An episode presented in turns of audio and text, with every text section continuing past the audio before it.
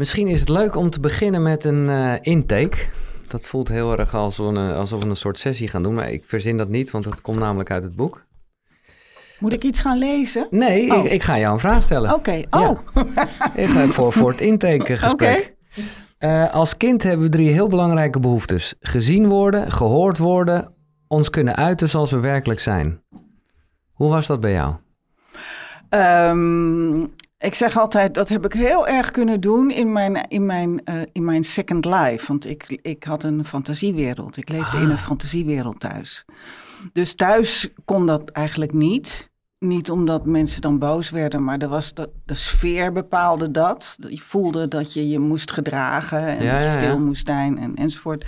Maar ik had altijd, al sinds heel klein, een fantasiewereld waar ik instapte zodra ik op mijn eigen kamertje was. En daar beleefde ik de meest wilde avonturen. Ik was Jane, Jane Bond, geheimagenten. Nice. En, eh, en ik reed paard op een eh, omgevallen boom en zo. Dus ik zeg altijd, ik heb een geweldig leuke jeugd gehad... die zich in mijn hoofd heeft afgespeeld. Maar dat is een, een, een, een positieve eh, herformulering van heel veel aan het piekeren zijn. Wel, ja, nou ja, de piekeren, fantaseren. Fantaseren klinkt Ja. natuurlijk wel wat leuker. Ehm, maar ja, jij refereert ook eh, in je boeken aan eh, een boek wat mij ook heel erg heeft geraakt van Jan Geurts, Verslaafd aan Denken. Mhm. Maar zou je dan dat fantaseren, ja, hoe plaats je dat? Is dat, is dat, een, is dat een niet goede verslaving? Want hij voelt zo lekker kinderlijk vrij. Ja, dat was het ook. Ik heb me enorm kunnen uitleven door, door die fantasie. Maar de keerzijde was wel dat ik een vrij eenzaam kind was... en de eenzaamheid op die manier oploste. En dat is op dat moment heel fijn. Alleen heb ik wel een beetje een achterstand opgelopen in mijn eh, sociale ontwikkeling. precies. Ja, ja, ja, ja. En denk je dat je er toch nog even het positieve uithalen, daardoor ook een hele goede actrice bent? Misschien wel. Want de meeste acteurs is toch sociaal gezien wel wat mis mee. ja. Een beetje wel, ja. Ja, dat zou kunnen. Dat zou kunnen. Nee, en dat- ik heb in ieder geval een hele levendige verbeelding. Dus, eh, en die kan ook wel eens enorm met me op de loop gaan, nog Mhm, steeds. ja. En, eh, en dat heeft hele leuke kanten. En, maar wat je zegt over dat piekeren. Je zit natuurlijk dan als kind al heel veel in je hoofd. En Ja. later, als je dan ouder wordt, ja, dan wordt dat iets anders. En ik, ik weet dat ik me als, als kind, was ik, ik denk dat ik zo net, net op de middelbare school zat of zo. Mhm. Dat ik me al constant zorgen maakte. ja. En ik kan me herinneren dat ik in bed lag en dat ik me zorgen maakte omdat ik me geen zorgen maakte. Wow, Wow. dat is wel meta. eh, Oké. Ja. Ja. Dus dat, dat was, en, en dat zorgen maken, dat ken ik wel weer van mijn moeder en ook van mijn vader. Dat waren hele zorgelijke mensen. Maar goed, dat, dat, dat is wel voortgekomen uit dat hele drukke, enorm bezige hoofd. Ja. Nee, ik zit, er- het is nog steeds een soort fantaseren, maar dan alleen maar... eh, Over enge dingen. Ja, over exact. dingen die kunnen gebeuren en, eh, en hoe het er allemaal mis zou kunnen gaan. Terwijl als je klein bent, ja, dan ga je, ga je Dan- los op de ja, verhalen. Ja, ja, ja, ja. Dan zag ik een verhaal in de, in de Tina. En dan, ja, dan ging ik dat uitspelen buiten in mijn eentje. Heerlijk. Ja, hartstikke leuk. ik, ken- Echt ik bedoel, ik mag hopen leuk. dat iedereen het een beetje herkent als kind, maar ik, ik, ik zit er wel mee in. Eh, te gast is, voor de mensen die nooit eh, de titel lezen van een podcast, Marian Mudder. Ik vind het grappig, want wij nemen dit zoals inmiddels elke week dinsdagavond op. In Oceans, een hele leuke plek in Haarlem waar je dus zelf ook een keer bij kan zijn. En jij stelt jezelf dus toch voor als actrice. Ja, dat zit er een beetje in. Ja, Ja, ik zag jou zo van, huh? nee, ik vind het wel grappig en ik snap het ook heel erg. Ja, Ja, dat, dat, dat, eh, dat gaat zonder erg eigenlijk. ja nou. Het voelt een beetje gek om mezelf alleen nog maar schrijfster te noemen. Omdat dat actrice zijn zo'n enorm groot deel van mijn leven is. Ja. En, en dat heeft ook natuurlijk op een bepaald niveau eh, ervoor gezorgd dat ik nu, nu ben wie ik nu ben. En dat Ja. ik deze schrijfster ben. Ja, Met deze verhalen ook. ja. Dus het is ja, toch echt wel een onderdeel van mij. Medisch Centrum West, eh Baantje, Vrouwenvleugel, echt wel bekend actrice. En ik vind het leuk hoe je zegt, en dat is natuurlijk geld voor ons allemaal als mens, dat je nou ja, dat uiteindelijk nodig had voor de reis en, en daar waar je nu bent. Uh, na uh, sofa-sessies, een boek over, uh, nou ja, waarbij je gewoon vooral zegt hoeveel problemen je zelf hebt gehad. en dat werd ook een voorstelling. Kwam jij met het boek Wat ik eerder had willen weten. Maar eigenlijk, een beetje flauw misschien, maar in wat je net zegt, denk je dat je het eerder had kunnen weten. Snap je wat ik bedoel? Dus Sommige dingen wel. Ja? ja? Dus daarvan denk je echt met terugwerkende kracht, damn, als ik dat had... Nou, niet eens met terugwerkende kracht. Wat, mij, wat, wat, uh, wat ik daarmee bedoel, is dat ik vind dat er bepaalde dingen, die zouden we kinderen moeten leren. Ja, oké. Dat gebeurt niet, dus ik had het niet eerder kunnen weten. Maar ik vind wel dat het kinderen geleerd zou moeten worden, omdat je het, weet je, want er zijn gewoon een aantal zaken die je kinderen al op hele jonge leeftijd kunt uitleggen en waarin je ze kunt begeleiden. Maar als ouders dat niet wisten, maar ouders wisten echt van toeten nog blazen wat mhm. dat betreft dan kunnen ze het kinderen ook niet leren. Dus, en dan worden, die, dan worden, worden al die conditioneringen en trauma's en god mag weten wat, wordt allemaal maar doorgegeven. Maar sommige dingen moet je toch ook gewoon, hè, uh, zoals ja, je kan zeggen dat een kookplaat heet is. Maar je moet toch echt even eerst zelf je klauw een keer branden. Omdat, uh... Ja, ja, ja. Ik zeg ook altijd, stel dat, dat we kinderen anders gaan, gaan opleiden. Betekent niet dat ze daarna een, een, een, een, een, zorgeloos leven hebben en dat er nooit meer wat misgaat. Natuurlijk niet. Er gaat van alles mis, altijd. Alleen je kunt je kunt mensen wel leren om daar beter mee om te gaan. En om niet helemaal gek van de stress te worden. Want dat is het. Kijk, nu ik niet meer zo'n last heb van die stress. Er gebeurt nog steeds, gaat nog steeds alles gaat de hele tijd mis. Lekker. maar ik denk alleen maar, oké, hoe gaan we dit oplossen? Ja. En vroeger begon ik er niet aan omdat ik bang was dat het misging. Of ik, nou ja, dat, dat was gewoon een heel problematisch uh, verhaal. Dus ik sta daar nu, ik sta nu totaal anders in mijn leven. Ik kan het nu gewoon aan en ik vind het leuk. En ook al mhm. gaan er dingen mis, vind ik niet erg. Soms heb ik er de beste in omdat dingen dan te laat binnenkomen. Weet je wel, nu met dat mm. boek zijn er allerlei dingen zijn oh, te laat. Oh. Oh. en daar heb ik dan de pest over in. Maar, maar verder, um, ik, ik ben een enorm uh, uh, uh, liefhebber van het oplossen van problemen. En, en... Bijna handen wrijvend van kom maar op. Ja, ja dat is wel een goede nou, oké, weet je wel. Ik, en ik ben extreem probleemoplossend geworden. En dat is, dat is, heel, dat is niet altijd leuk voor andere mensen, maar dat is, ik vind dat wel heel leuk. Ja. maar ik vraag me af, want kijk, eigenlijk is uh, misschien de grootste les, ook waar we het net over hadden, uh, is misschien wel, je bent niet je gedachten. Ja. Alleen ik vraag me af of als ik dat als kind of in ieder geval als jong persoon had gehoord, of er niet een soort error in mijn hoofd was van Oh, maar wie ben ik dan wel? Uh... Ja, nee, dat moet natuurlijk heel goed uitgelegd worden. ja, ja, ja, ja, Want ik heb natuurlijk, ik bedoel, ik heb mijn eerste zelfhulpboek gelezen op, geloof op mijn 22e. Nou, ik snapte er geen hout van. Wayne Dyer. Wayne Dyer, ja. Echt, ik, ik, ik, ik las het en hij had het maar over immobiliteit. En ik dacht, ja, dat, dat herkende ik. dacht, dat heb ik, dat ben ik. dat, uh, maar verder, echt, het nu, ik wist echt niet wat het was. Nee. Maar als iemand mij dat in Jip en Janneke taal had weten uit te leggen, dan had ik het natuurlijk wel begrepen. Dus het is, ja, het is. En, daarom is het natuurlijk heel fijn dat steeds meer mensen met deze wetenschappen in aanraking komen. Want dan zijn er, weet je wel, iedereen spreekt een andere taal. Dus iedereen die, die spreekt weer andere mensen aan. Ja, terwijl misschien het gedachtegoed allemaal wel hetzelfde is. Maar ja, ja, ja. Nou, ik vind het mooi dat je zegt dat jij gewoon bijna handenwrijvend uh, op een positieve manier in het leven staat. Wel wetende dat er ge, gedoe gaat komen, om het zo maar te zeggen. Want ergens in een recent interview met jou in het Algemeen Dagblad, daar ging het erover of je nog ergens bang voor was. Angsten is een, is een belangrijk thema in je boek. En toen zei je eigenlijk dat je geen angst meer had. En toen dacht ik zelf een beetje, nou, dat is ook saai. Nee, dat is niet saai. Het is ook niet dat ik nooit meer ergens bang voor ben. Maar het is van een totaal andere orde dan dat het was. Je bent er niet door gekaapt. Nee, precies. dat is een heel goed, dat zeg je heel goed. Want vroeger verlamde het me. Ja.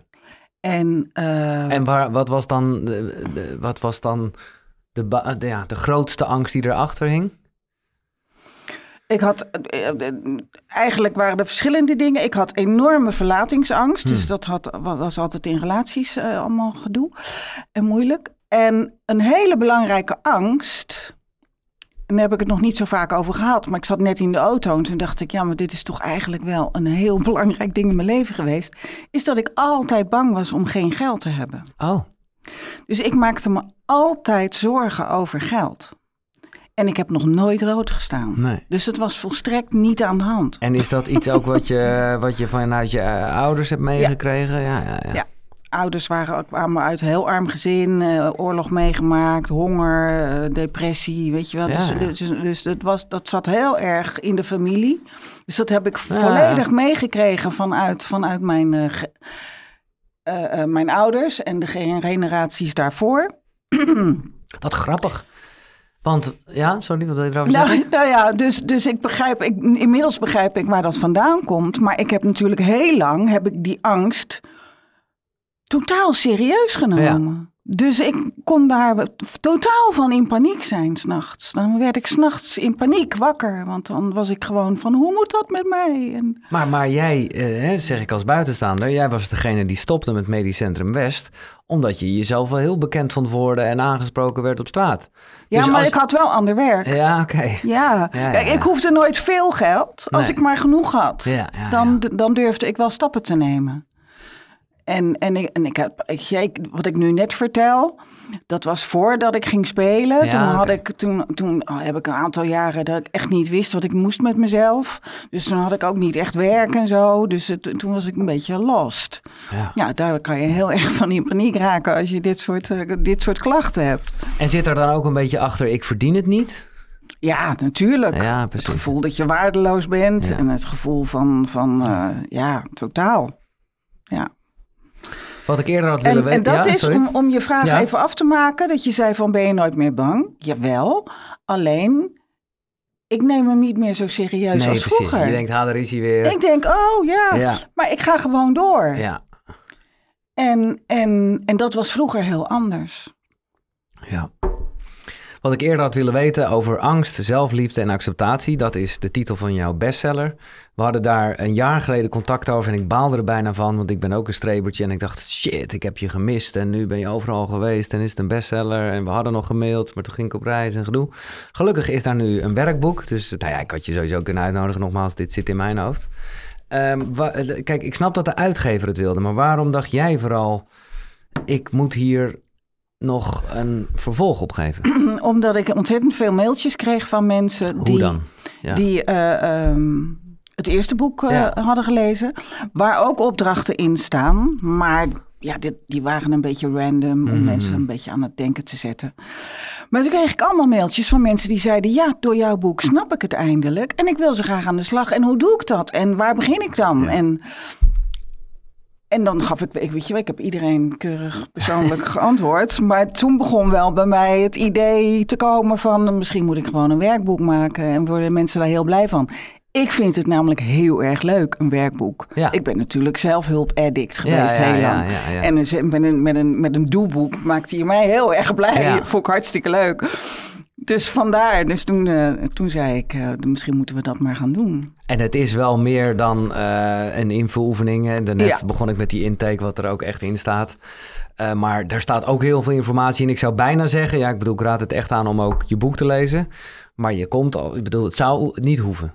Nee, Nee. Ik, heb, ik heb er echt mijn best op gedaan, zeg maar. Ja. Om dat dit boek op zichzelf staat.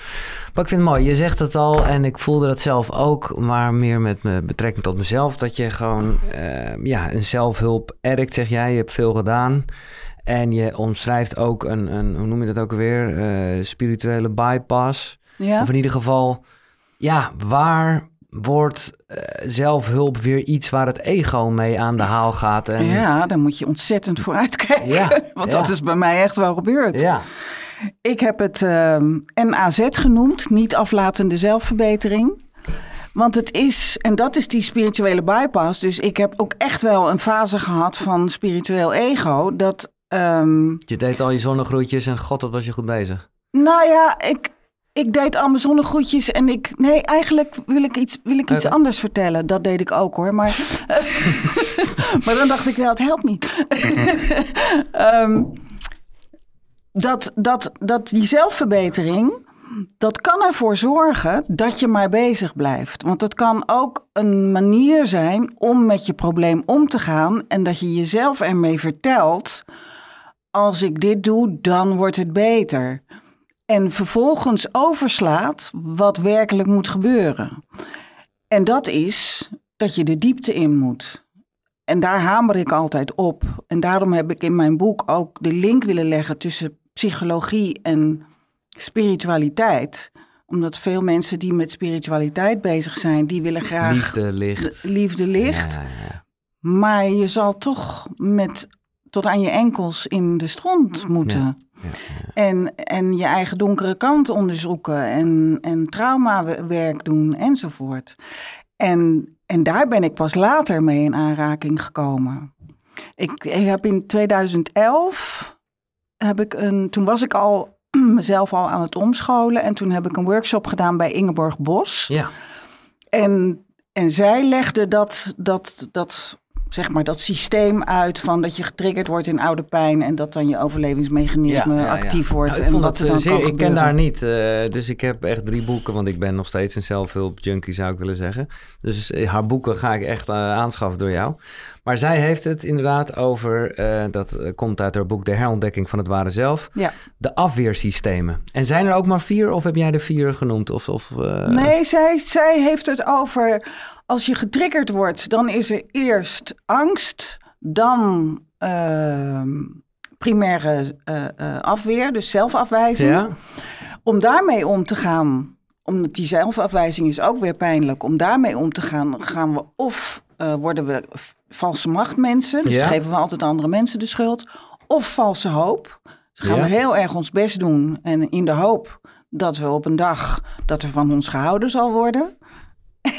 en dan de, de, de, het heftigste van al is ontkenning van behoeften. Ja. En dat zijn mensen die dissociëren, die zich afsluiten van hun gevoel. En, en daar dus ja, op een andere manier door het leven gaan. ja.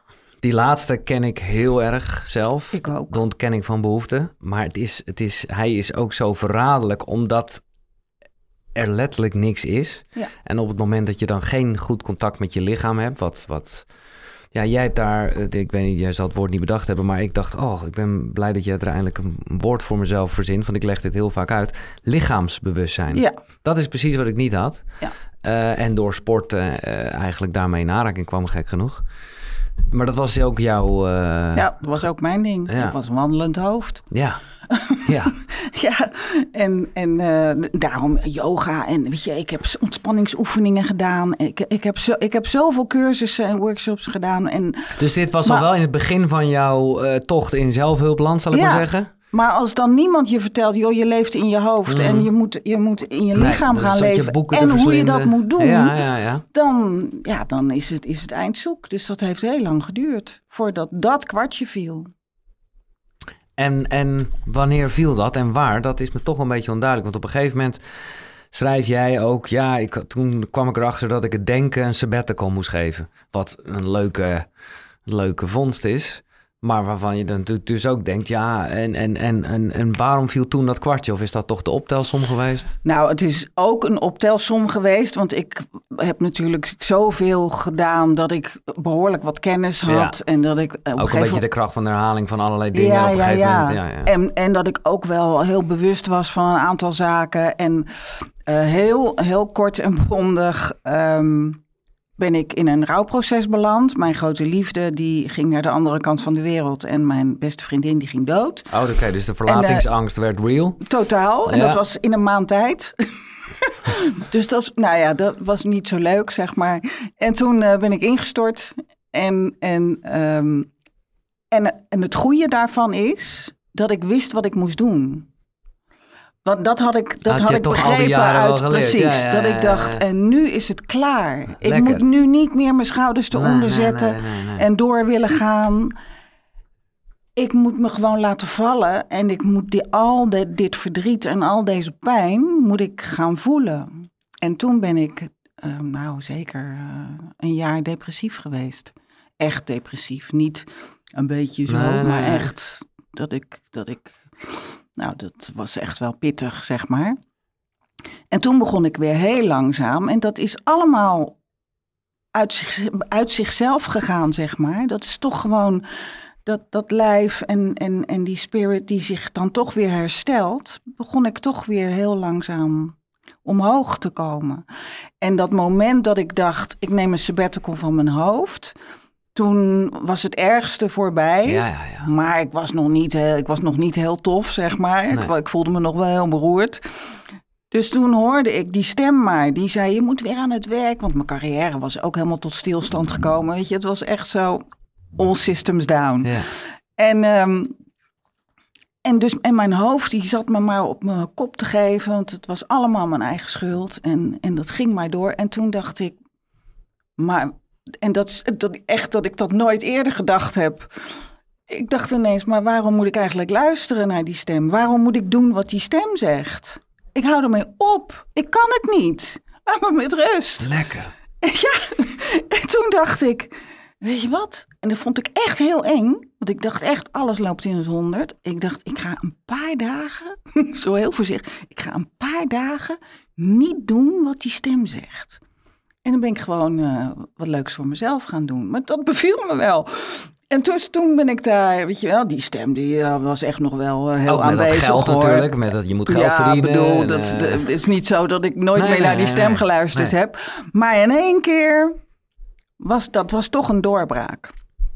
En, en toen ben ik gaan schrijven. Toen heb- ben ik mijn eerste boek gaan schrijven. Omdat ik mezelf de ruimte gaf van ja, ik hou even op met alles moeten. En wat wil ik eigenlijk? Nou, ik wil al heel lang een boek schrijven. Nou, ik ga eens een boek schrijven. Ja, zo, ja, zo is het gekomen. fantastisch. Eh, dat brengt ons al snel natuurlijk bij het ego. Jij eh, doet een goede truc. Het is vaker hier ter sprake gekomen. Waarbij je diegene, of diegene, dat, dat zeg ik nu al bijna. Dus, maar waarbij je ego een naam geeft. Margie in jouw geval. Ehm, ik ben benieuwd, als jij zo'n junkie bent, dan zal je ook vast, of niet, weet ik niet, bekend zijn met cursus in wonderen. Ja, zeker. Ja. ja. Ehm, ja, dus hoe kijk je aan tegen de rol van het ego? Poeh, vind ik wel heel moeilijk. Ehm, Jij omschrijft, dat vind ik wel echt een hele mooie. Dat wordt vaak, en misschien is dat ook wel bijna hetzelfde, hè, eh, aangehaald met het onderbewuste en, en, en het bewustzijn. Hè. Het topje van de ijsberg is dan het bewustzijn. En jij omschrijft eigenlijk, het ego is maar 1% van wie we zijn. Alleen we gaan er wel heel erg in geloven Ja. Dat dat is wie we zijn. ja. Je bent meer dan. Ja, Je, bent meer dan ego. Ja, super. Want kijk, ego is dat stemmetje dat praat. Ja, Maar dat vind ik altijd zo'n goeie. Maar wie luistert er? Wie luistert er naar dat stemmetje? En eh, voor mij is ego, ja, ego is er en je hebt ermee te dealen. Maar leer ermee te dealen. ja. Want ik ben natuurlijk eh 40 jaar of langer ben ik gewoon op jou genomen door mijn ego. En ik geloofde alles wat, wat daar werd gezegd. Mhm. Maar dat ego, dat is gewoon een geconditioneerd iets. Dat, dat, dat, dat is, heeft geleerd om op een bepaalde manier te denken. En dat komt weer van ouders en school en eh, noem alles maar op.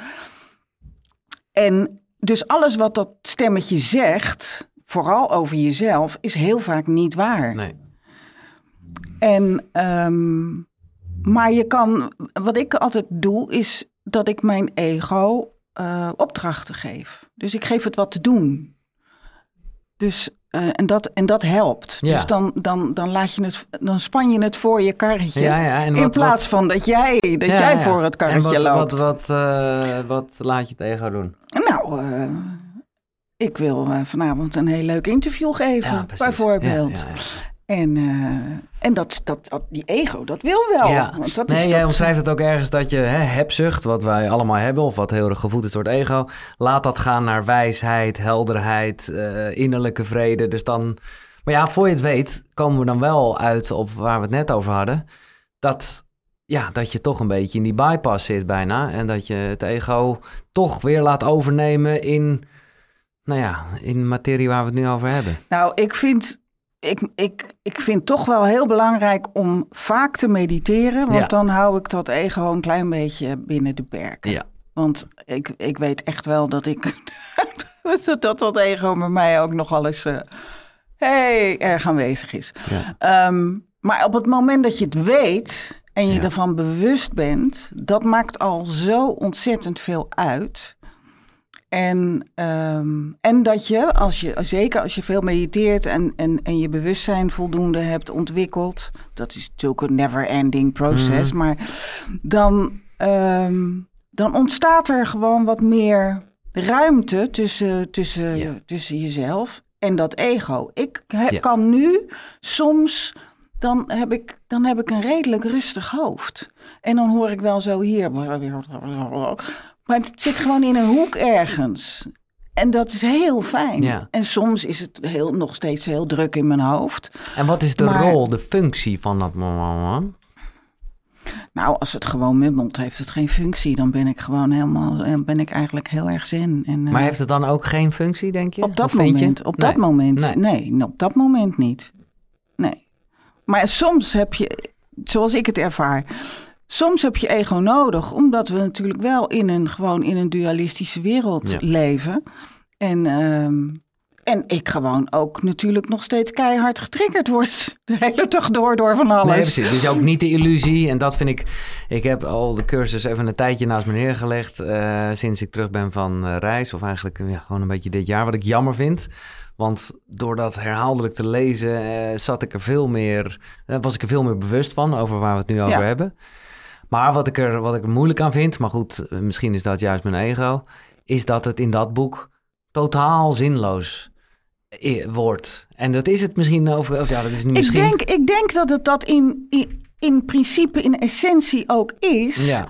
Alleen ja, de, de, de- het is hartstikke mooi hoor, als je egoloos bent. Maar Een illusie. dat is, eh, poeh, dat is wel een, een hele, hele le- reis, denk ik. Jij noemde mediteren al even. Ik vond het heel leuk om eh, nou ja, een lotgenoot of eh, soortgenoot te vinden in... Ja, dat je dat ook wel eens kon gebruiken om eh, heel goed na te denken. En, en, en pen en papier erbij te leggen om dingen op te schrijven. Ja, ik moet zeggen, ik vind het nog steeds niet echt erg. Maar ik doe het niet. Ik bedoel, er is een tijdje geweest, en dat herkende ik bij jou. Dat ik echt dacht, oh ja, ik ga ervoor zitten. Pen en papier ligt klaar. nou ja, je, je bent in ieder geval niet aan het mediteren. Nog steeds, doe het vooral als je er zin in hebt. Maar ehm, hoe, hoe mediteer jij nu? Want je hebt natuurlijk verschillende... Ja, ik kan nu. Ik, ik had gisteren. eh, Toen had een hele drukke dag.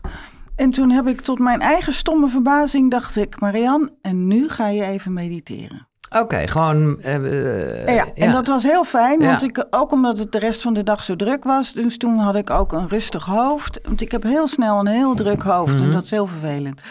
Dus toen, daar werd ik ook echt rustig van. En dan mediteer ik. Ja, eh, gisteren, ik doe altijd wat anders eerlijk gezegd. En gisteren, wat ik heel fijn vind, en dat heb ik ook in mijn boek staan, dat is luisteren naar je oren. Dat vind ik echt heerlijk. Gewoon heel je, je oren wijd open zetten. Ja, en dan kun je het geluid Oh ja, ja. in je oren horen. Ik hoor het nu, kan ik het horen zoomen. Ja, dat vind ik echt heerlijk. Niet iedereen kan dat horen Nee, blijkbaar. nee. Maar ik vind dat Nee, het. fantastisch. Het is ook weer eh, even je monkey mind bezighouden met iets. Hè? Dus eh, Precies. is, heel fijn. Ja. Eh, en dat, ik vind het wel een mooie, omdat hij ook...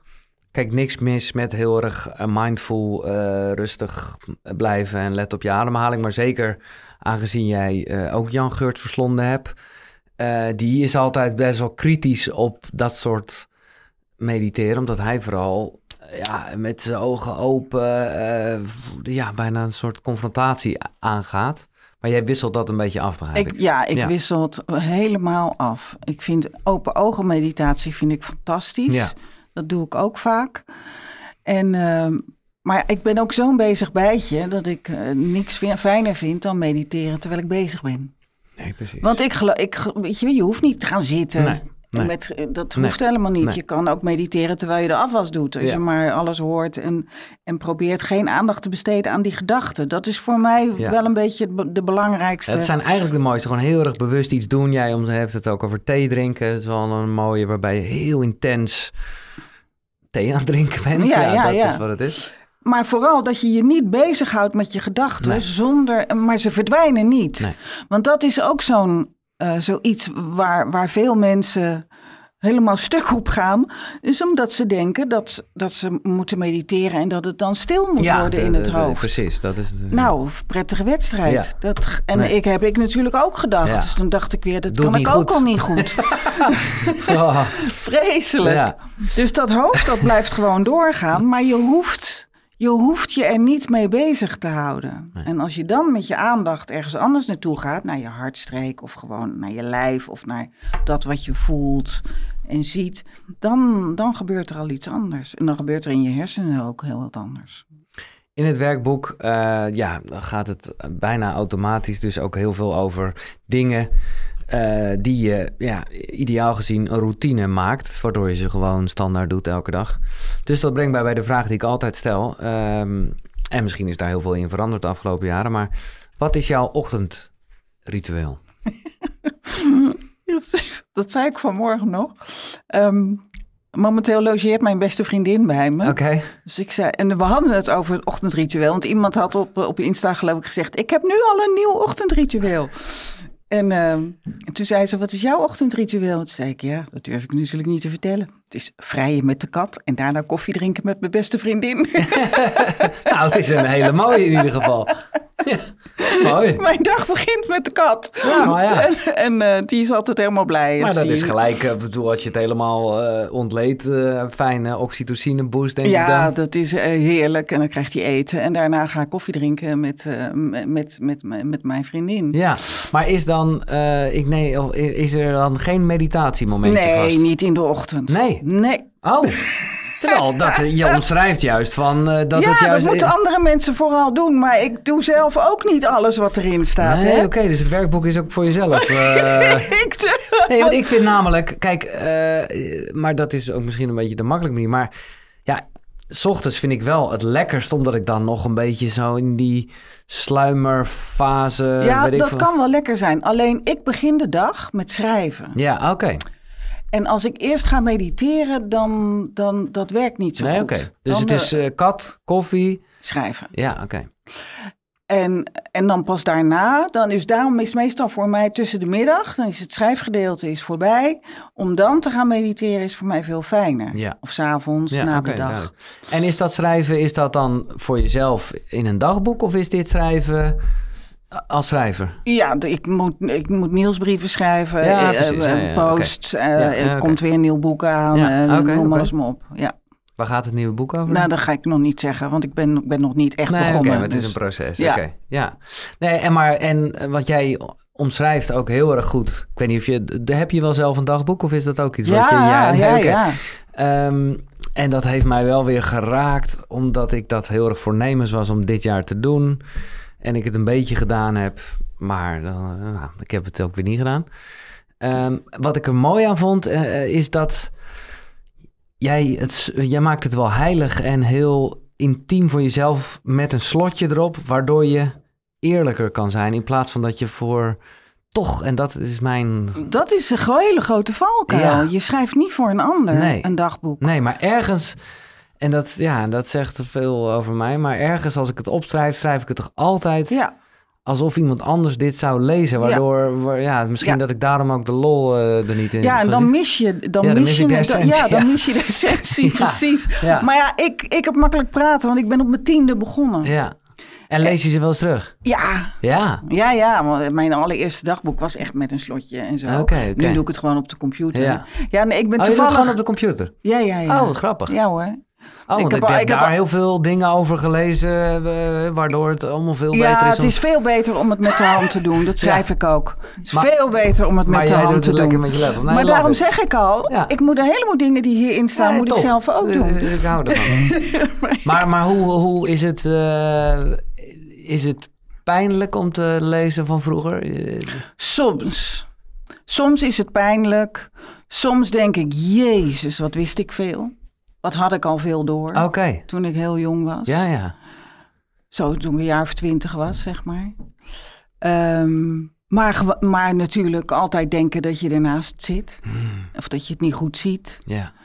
Ehm, en ik, nou ja, wat ik zeg, mijn eerste dagboek, toen was ik tien en daar stond dan alleen maar in. eh, hele leuke dag vandaag. Boodschappen gedaan met mama en Ja. dat soort dingen. Dus dat was niet zo heel eh, boeiend.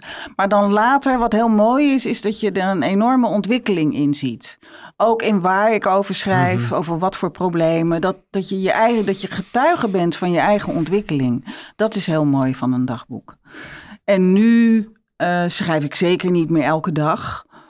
Ehm, ik heb ook eh, tijdens die crisis bijvoorbeeld ben ik gestopt met dat dagboek, omdat ik het te pijnlijk vond om te schrijven. Ja, Dus toen heb ik voor het eerst in al die jaren, twee jaar of zo, twee, drie jaar niet geschreven. Geen dagboek Nee. tenminste. nee, nee. En ehm, Terwijl dat misschien, maar ja goed, het is makkelijk lullen. eh, het was het juist. eh, ja, dat had, had misschien, maar het was zo pijnlijk Ja. om te vertellen wat er allemaal. En, en, en ik dacht er wel over na, ik ging het niet uit de weg. Nee. Dus, nee. maar ehm, en, en ja, nu doe ik dat nog steeds. Ik schrijf nog steeds een dagboek. Maar ik merk wel dat ik, omdat ik minder worstel met mezelf, dat ik ook minder te vertellen heb. Ja. Ik kan wel vertellen wat ik gedaan heb, maar dat is niet Nou ja. zo boeiend. Kijk, het gevaar, eh, maar ja, dat is nogmaals als projectie vanuit mezelf, is wel dat het ook een beetje wordt eh, ja, wat, je, wat je niet leuk vindt. Wat goed is om te lozen, maar ja, jij hebt het ook wel over, over hè, de, de klassieker dat je de dankbaarheid opschrijft.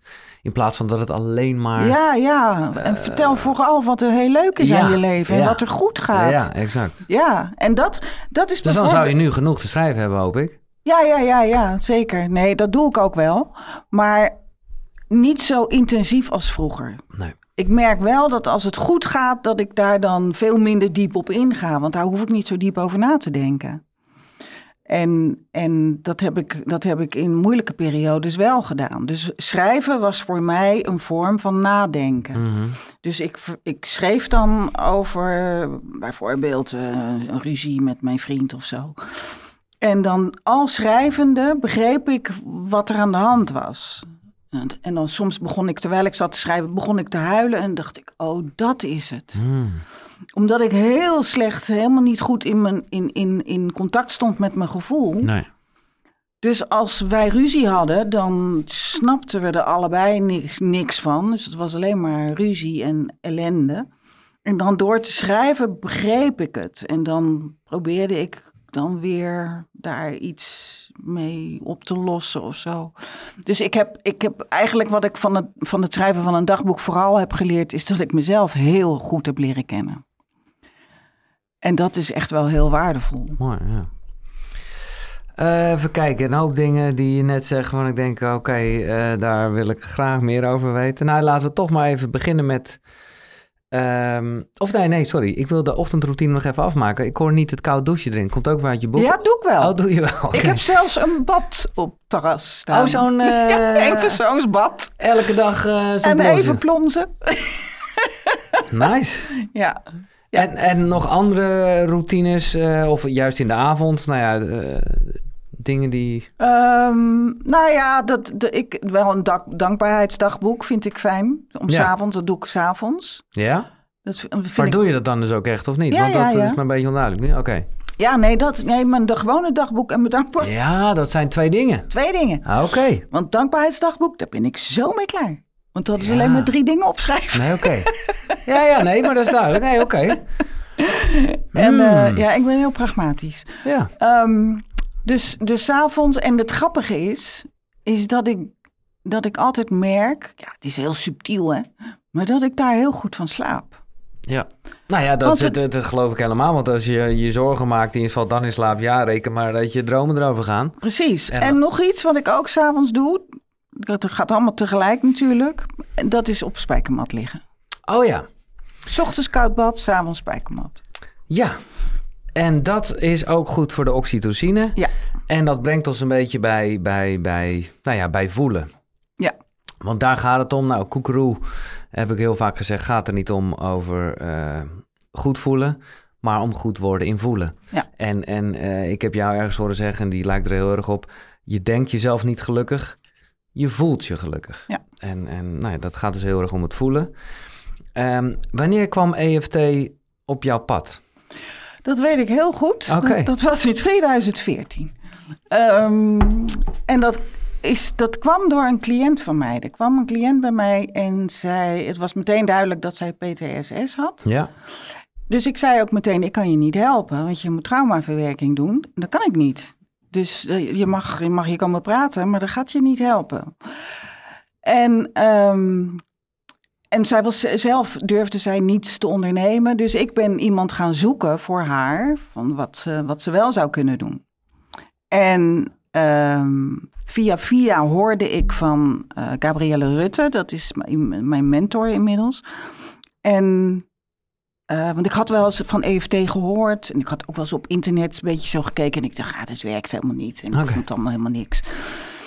Maar toen vertelde een vriendin van mij, ja, maar die vrouw die is echt goed. En die heeft mij heel erg geholpen. En toen dacht ik, nou, kan allicht eens mailen. Toen zei ze, oh ja, ja, daar kan ik wel mee. Stuur maar naar mij. En toen ben ik mee, en toen moest ik mee, want, want zij durfde ja. niet alleen. Dus ik ben meegegaan en ik had meteen, ik dacht, I'm having what she's having. Want ik vond, ik vond Gabrielle meteen fantastisch. En, um, en ik zag wat ze deed. En toen dacht ik, oh, dat EFT? Dat is een heel ander verhaal.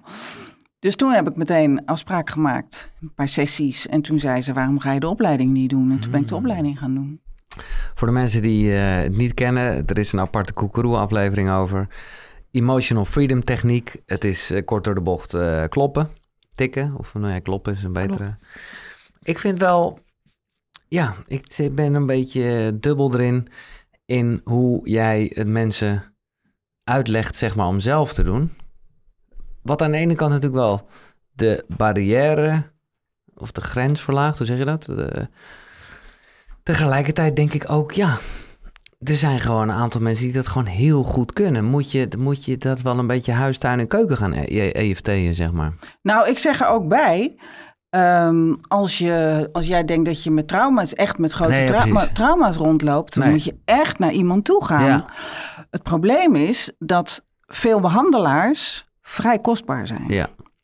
En er ja. zijn, ja, en dat is voor mij echt reden geweest waarom ik die online cursus gemaakt heb. Ja. Omdat ik vorig jaar kreeg ik ontzettend veel aanvragen die ik A niet aankon, dat was gewoon te veel. Maar B, ook heel veel mensen konden het niet betalen. Nee, nee is nou, ja. En, dan en dat beter, iets, beter iets dan niets. Ja, ja, ja en okay. mensen kunnen mij vragen stellen enzovoort. En mensen hebben er wel iets aan. Ja. En dus ik begrijp precies waar jij het he over hebt. Mm. En dat vind ik ook een lastige. Maar er zijn ook niet overal in het land Nee. goede EFT-behandelaars. Want er zijn er uiteindelijk nog niet zo heel erg veel.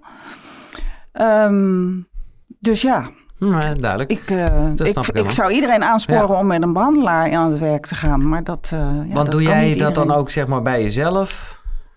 Ja, Zeker. ja, ja. ja. Ja. Ja, dat heeft mij ontzettend geholpen. En nu ook. Het laatst was ik ook weer eventjes in stress. Nou, dan ga ik even ga kloppen. En dan kom ik ook, weet je wel, want EFT werkt heel goed. Niet omdat je gaat kloppen en dat dan je stress eh, eh, afneemt. Dat is niet de essentie van EFT. Als ik, ik had ergens stress door, waarvan ik voelde, dit gaat over meer dan, dan wat er nu aan de, aan de hand is. Ik zit echt een beetje hoog. Dan is er een oud verhaal, Exact. wordt afgedraaid. Ergens in een cel zit Ja. dat opgeslagen en dat... En Ja. ik, dus ik ging, weet je wel, ik weet dus inmiddels hoe ik dat moet zoeken. En toen kwam ik ergens uit, een herinnering, iets wat ik heel goed weet. En waar ik altijd heel lacherig over vertel.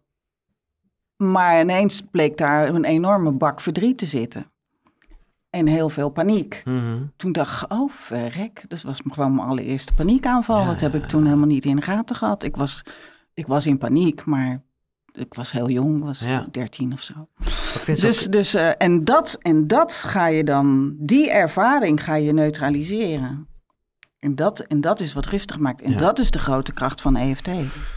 Nee, ik vind het ook zeer... eh, ja, het heeft op mij nogmaals het voelen en, en het disassociëren. Het, het omgekeerde daarvan is juist heel erg in je lijf voelen en inderdaad wegkloppen. Alleen, maar goed, ik, ik, ik realiseer me dat ik gewoon een luxe beest ben... wat dan andere mensen vraagt om dat te doen.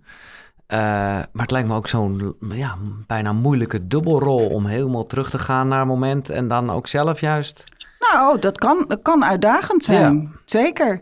Ik heb, toen ik, toen ik ermee begon, dan deed ik de grote dingen, zeg maar. deed ik met, eh, met mijn mentor. En het kleinere spul, dat deed ik allemaal Ja, zelf.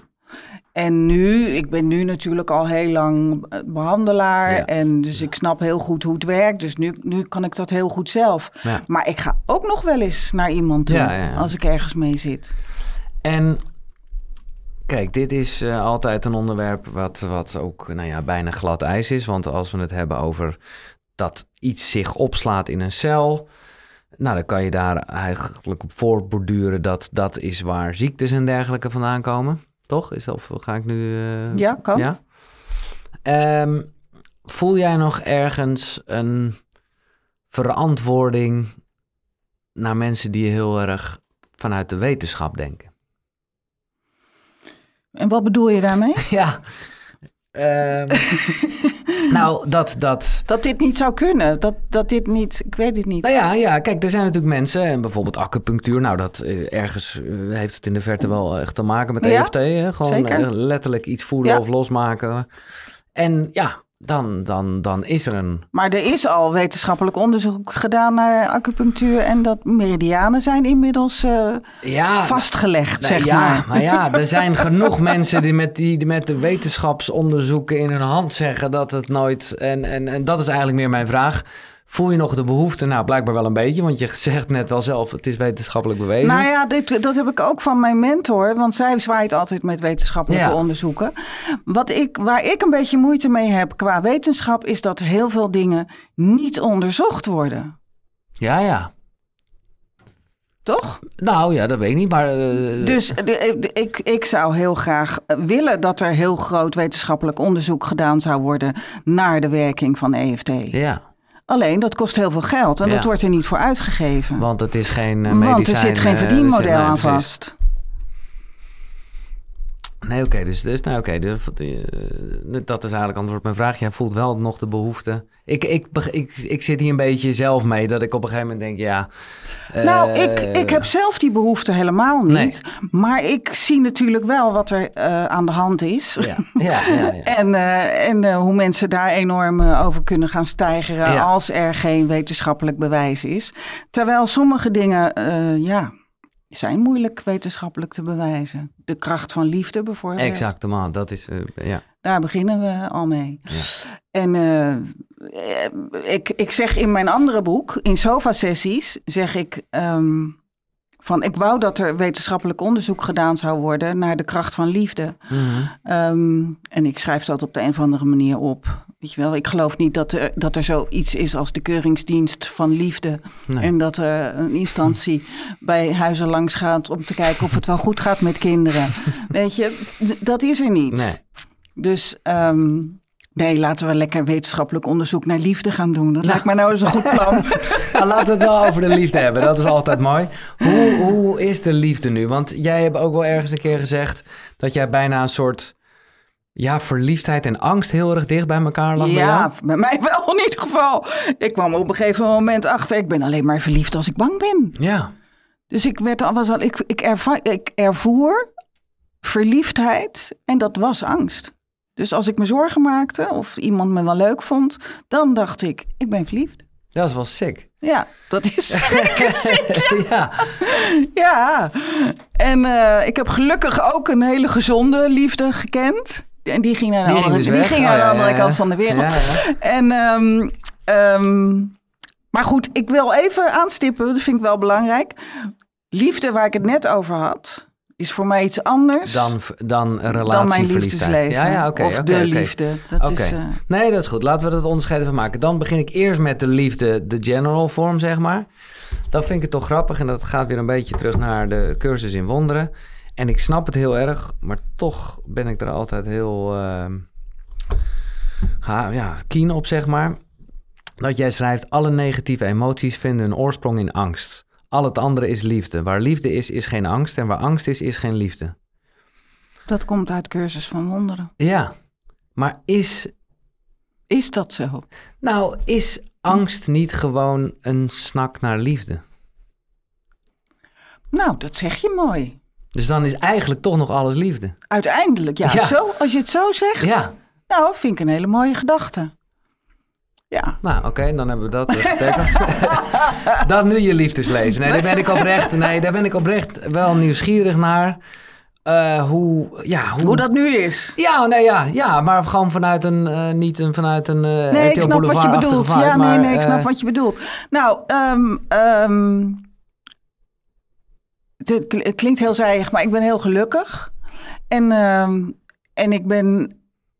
En ik kon nooit gelukkig zijn als ik niet met een man was.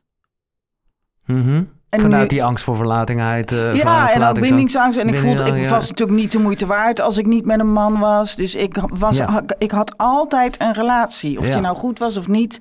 Weet je wel, beter een slechte relatie dan geen relatie. En dat, dat zei ik letterlijk, hè. Ja. En nu ben ik heel gelukkig zonder dat ik een relatie heb. En dat is voor mij een enorme bevrijding. Dat neemt niet weg dat ik best een relatie zou willen. ja. Maar dat is niet vanuit, vanuit, een, vanuit pijn of vanuit hunkering of vanuit een gevoel van gemis. Wat het vroeger natuurlijk Ja, wel ja, was. ja. Maar, Dus, ja, dus? nou, dus eh, eh, mm, ja, heb ik daarmee je vraag beantwoord? Nou, het, ik snap het eigenlijk niet meer. Omdat jij net in je ochtendroutine hebt het over eh, knuffelen met de kat en daarna met je vriendin. Ja, nee, dat is niet mijn vriendin. Oh. Dat is geen, ge- Oh. geen romantische vriendin. Oh, oké. oké. Dus gewoon mijn, mijn beste vriendin die woont tijdelijk bij me. Oh. ik dacht, ik dacht omdat, jij, omdat jij het ook zo introduceerde met eh, vroeger altijd er moest een man zijn. Ik denk, jij Oh, bent helemaal in dat ik nu van de vrouwenliefde Ja. ben. Nee, helaas. Nee, ja, Ah. nee. Nee, nou ja, helaas, dat weet ik niet. Nee. Maar, eh, Maar oké. nee, maar, maar eh, nee, dit is, is geen romantische vriendin. Nee. Maar we zijn wel heel, heel erg dik, zeg maar. We Ja. zijn hele dikke, Gewoon dikke vriendinnen. connectie, ja. En, maar ik zit heel erg op die golf, maar ik realiseer me dat ik daar wel een beetje mee moet oppassen om dat zomaar bam eh, te vragen. Maar goed, ik ben er nu toch aan begonnen. Omdat ik zelf vader word, ben ik gewoon benieuwd, is het iets eh, waarvan jij denkt, hé, hey, dat heb ik toch in dit leven niet gedaan? Kinderen Ja. bedoel je? Ja, Eh, ja, maar dat is al heel jong in mijn leven een bewuste beslissing geweest. Dat ik geen kinderen wilde. ja maar dat eh, zeg En ik... dat is niet dat ik denk, oh, dat had ik anders willen doen. Nee? Nee. Want ik kan me ook, ik heb bedoel, ik kan me voorstellen dat jij dat had op basis van... Ja, nee, nee. Nee. Nee, dat, ik heb het niet. Ik heb, kijk, ik zeg altijd, ik kan zo'n lijst verzinnen waarom ik geen kinderen wil. Een heleboel redenen. Ja. En kan maar één reden bedenken waarom ik wel kinderen zou willen. En dat is dat, dat je, denk ik, van niet zoveel houdt als van je eigen kind. En, dat je, en om die liefde te ervaren, dat lijkt me fantastisch. En, maar goed, ik heb voor die andere lijst gekozen. En dat was niet alleen maar, dat was ook angst om een slechte moeder te Ja, zijn exact. enzovoort. Maar dat ging ook over, over bevolking en over, ik was heel erg van het milieu en zo. Ja.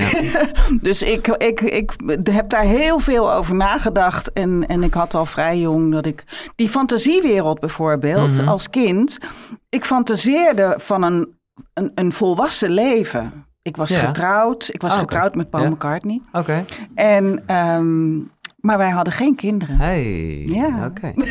Nee, leuk. Dus blijkbaar, ja. Ja, ergens vind ik ook wel... Terwijl ik heel, heel erg moederlijk ben. Nou, dat wilde ik net zeggen. Heb je toch de moederrol op je genomen? nou, met- die, die met- vriendin waar ik het net over Ja. had. Zij is een heel stuk jonger dan ik. Ja, Dus is een heel klein beetje een moeder-dochter Ja, vibe ja, ja, ja, zit oké. erin. ja. Nou ja, en los van dat eh, ben jij ook gewoon coach. En ik ben moeder En- van en- eh, alle, al mijn lezer, lezers en zo. Nee, maar dat is toch wel een beetje zo. Nee, ja, dat is wel zo. Eh, het is milieu.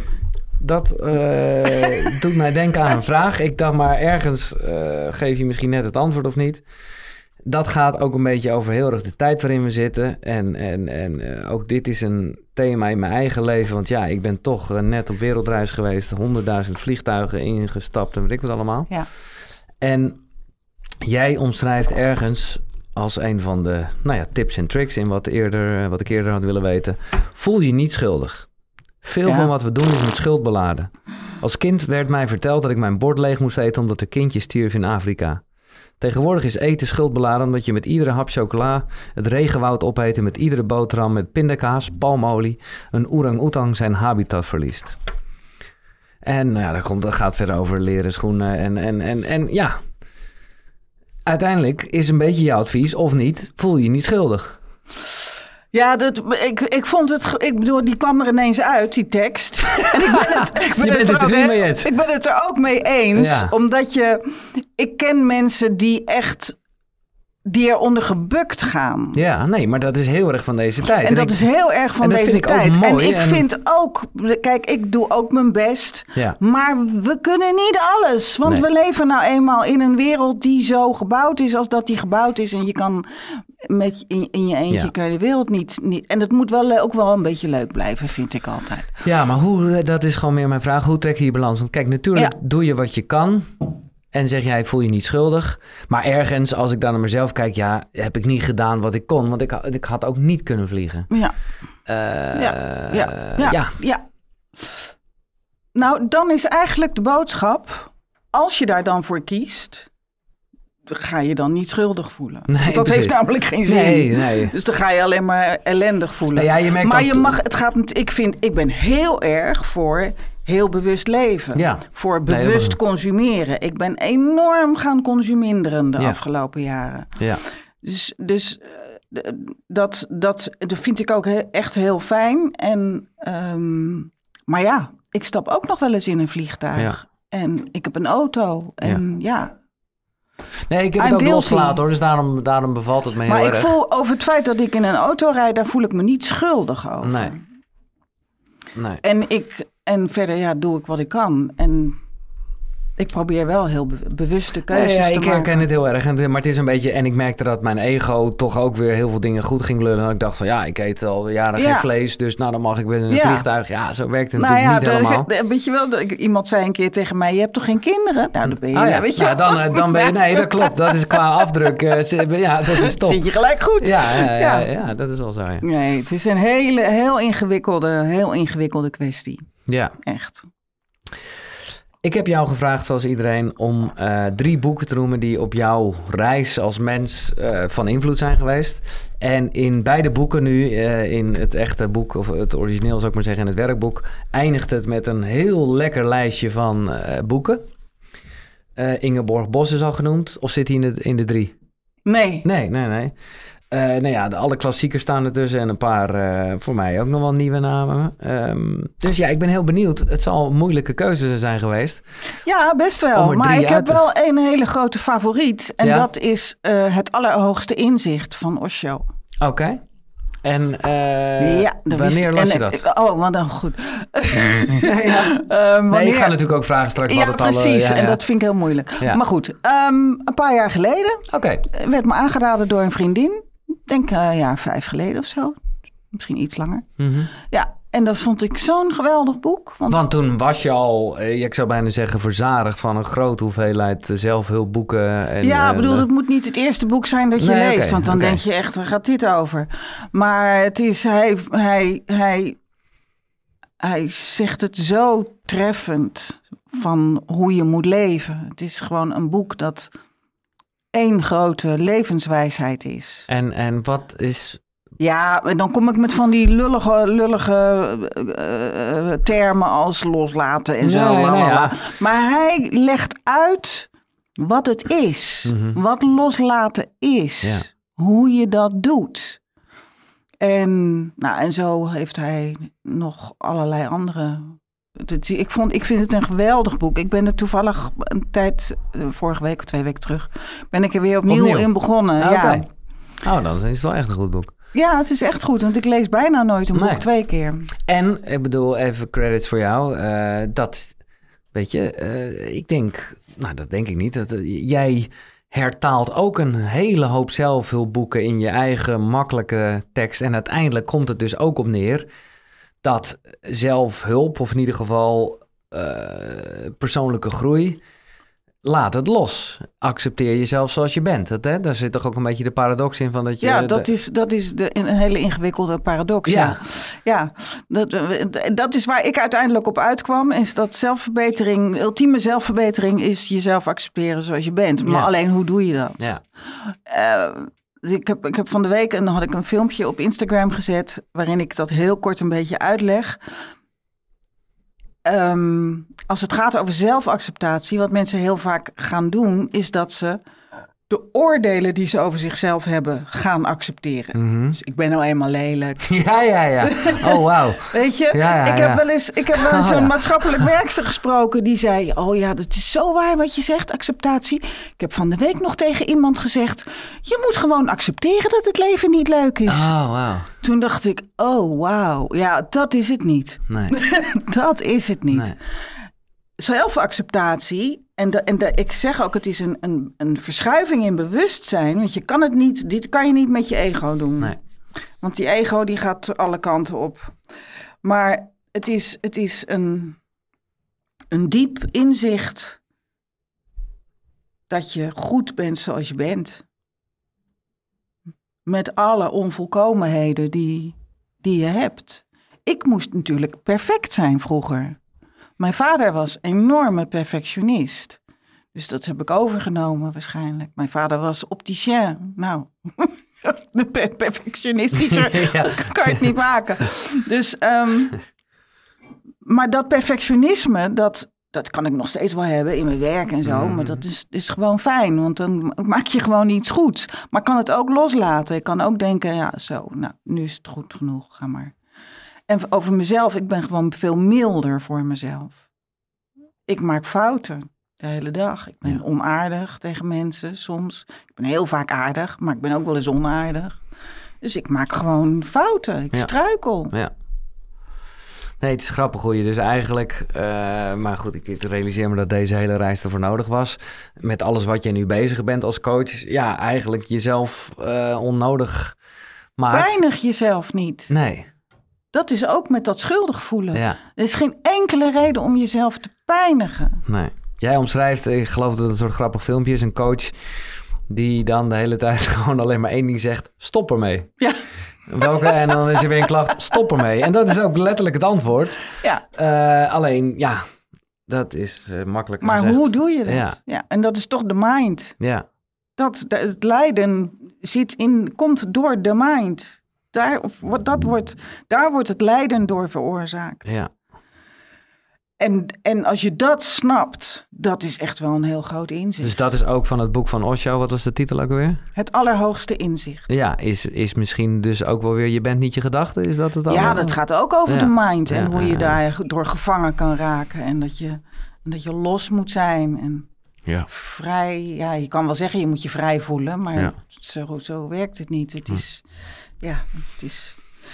Dat, dat vind ik altijd lastig van, van eh, hierover spreken. Het is over gedachten en over de mind praten. Dat, dat gaat wel goed, want dat gaat. ja, dat is daar lekker is voor gemaakt. Maar, eh, Precies. Ja, ja, ja, Maar op het moment dat het over bewustzijn gaat, dat, is, dat, is, ja, dat is voorbij de woorden. Dus dat is heel moeilijk Nee, om daarover te ik praten. bedoel, ik moet eerlijk zijn, is dat een beetje de hele hoax of de grap van deze podcast. Dat je woorden probeert te geven aan iets waar je helemaal geen woorden aan hoeft te geven. Sterker nog, laat het gewoon allemaal los en het is allemaal goed zoals het is. Ja. En daarmee is het allemaal eh, totaal zinloos. Eh, maar ook weer niet, want het blijft ook fascinerend en leuk. Ja. En, eh, ja. Oké, eerste boek is duidelijk. Wat is je tweede boek? Um, Notes on a Nervous Planet van Matt Haig. Oké. Matt Haig is een eh, Britse schrijver. Eh, ik, ik lees graag Engels. Ik weet niet de titel in het Nederlands. Nee. Ehm, en hij is... Vind je, ben je gewoon goed in Engels? Ja, ik ben wel goed in Oh, Engels. vandaar, ja, oké. Ehm, hij is depressief. Of hij is vaak depressief. En, en hij is eh, schrijver, romanschrijver. En hij is op een gegeven moment over zijn depressies gaan schrijven. En ehm, ja, de, ik, vond, ik vond het... ik- hij, hij schrijft fantastisch. Maar Notes on a Nervous Planet... daarin vertelt hij over onze stressvolle planeet. Dus hoe hij daarnaar kijkt... en hoe wij beïnvloed worden...